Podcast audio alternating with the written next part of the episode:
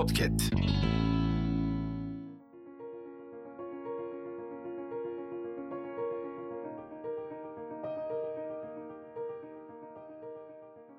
Merhabalar. İlginç bazı şeylerin yeni bölümüyle karşınızdayım. Bu bölümde sizlere psikolojik işkence yöntemi olan gaslighting'den bahsedeceğim.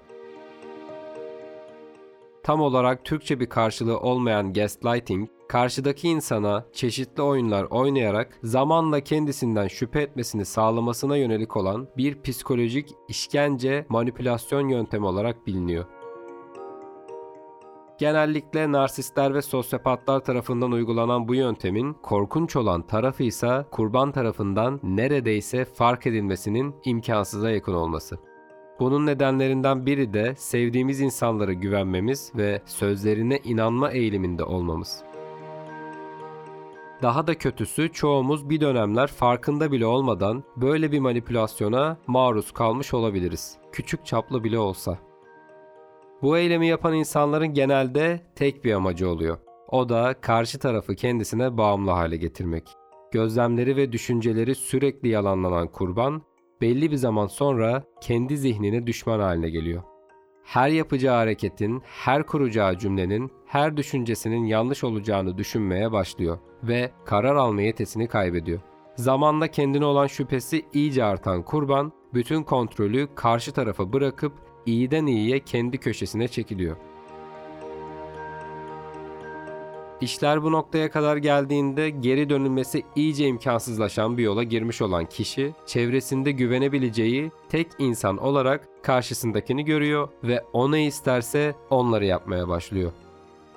Bu manipülasyonun uygulanma şekilleri farklılıklar gösteriyor. Temelde yatan 3 ana yöntem bulunuyor.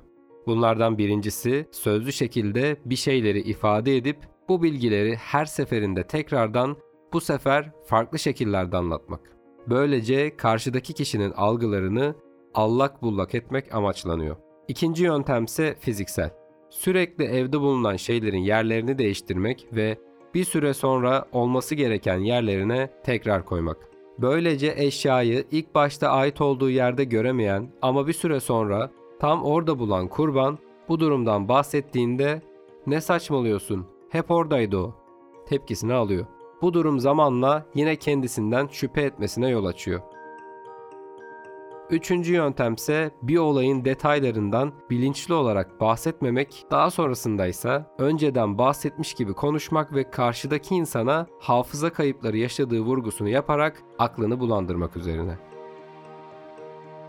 Diğer yöntemlere bir örnek vermek gerekirse karşıdaki kişiyle önce sert bir ses tonuyla konuşup daha sonrasında bunu inkar etmek ve oldukça yumuşak bir ses tonuyla konuştuğunu, onun yanlış anladığını söylemek. Bu durumun devamında kurban her şeyi olumsuz anlamasıyla suçlanıyor ve zamanla karşıdaki sert konuştuğunda bile kendi kendini sadece yanlış anladığını, son derece normal bir konuşma yaşadığını söylemeye başlıyor. Bu manipülasyon yönteminin sınırları öylesine geniş bir alana yayılıyor ki farklı şekillerde maruz kalmak maalesef mümkün. Örneğin bir başka yöntemde karşıdaki kişide aldatılıyormuş hissi uyandırmak. Sürekli aynı kişiden farklı bir şekilde bahsettikten sonra doğal olarak şüphelenen kurban bu şüphesini ortaya döküyor. Bu noktada manipüle eden kişi sert bir tavır kullanarak güvensizlik suçlamaları yapmaya başlıyor. İşi daha da ilerleterek kurbanın zihninde kendisine olan güvenini sarsacak düşüncelerin oluşmasını sağlıyor. Kafasında bunları kurgulayan kurban, zamanla problemli olduğunu düşünüyor ve gerçekten aldatılsa bile bu düşünceyi sadece kafasında kurduğunu düşünerek kendisine kızıyor.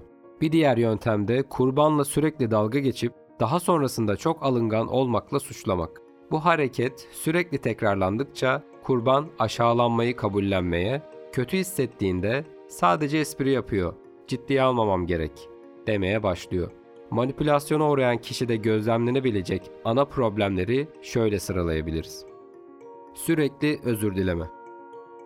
Kurban, diğer insanlara ve manipüle eden kişiye karşı sürekli bir özür dileme halinde olacaktır. Yanlış yaptığı bir şey yoksa bile. Karar alamama.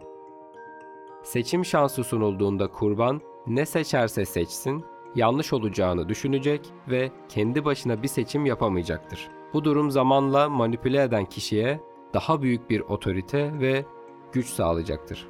İçe kapanıklık Hem morali hem kendine saygısı yerle bir olan kurban, zihnen yorgun hissedecek ve sosyalleşmeye daha az zaman harcayacaktır. Böylece zamanla ailesiyle ve arkadaşlarıyla arasındaki mesafe artacak. Bu da manipüle eden kişiye kurban üzerinde daha etkili olma şansı tanıyacaktır. Özellikle karşıdaki kişi bu davranışları sergiliyorsa bir manipülasyonla karşı karşıya olmanız olası. Söylediği bir şeyi söyledikten sonra cümleleriyle yüzleştirilince ben asla öyle bir şey demedim demesi. Defalarca belli bir olaydan veya söylemden kırıldığınızı anlatmanıza rağmen sizi üzüp kırdıktan sonra çok abartıyorsun, fazla dramatiksin demesi. Size hakaret ettikten sonra hep sen beni sinirlendirip bu hale getiriyorsun demesi. Suçlanacak çok şey olmasına rağmen hep beni suçluyorsun. Sanki sen suçsuzsun demesi. Sizin için çok önemli olmasına rağmen bir konu için bir daha bu saçmalığı dinlemeyeceğim deyip sizi söyledikleriniz veya inandıklarınızın saçmalık olduğuna inandırması. Emin olduğunuz bir hatıra konusunda hayır sen yanlış hatırlıyorsun demesi. Geri dönüşü olmayan yola girildikten sonra olay tamamen manipüle eden kişinin insafına kalıyor. Bu tip durumlarda genelde manipüle eden insanın tek amacı karşısındaki kişiden üstün hale gelip ondan faydalanmak. Bu fayda süreci son bulduğunda ilişkinin de sonu geliyor ve geriye yeni kurban ve yeni heyecan arayan hasta bir ruhla derinden yaralanmış bir kurban kalıyor. Tüm yalvarma çabaları, gönül alma yöntemleri ve uğraşları boşa giden kurban da uzun bir süre kendine gelemiyor. Hala kendini suçluyor ve gitgide hayattan soğuyor.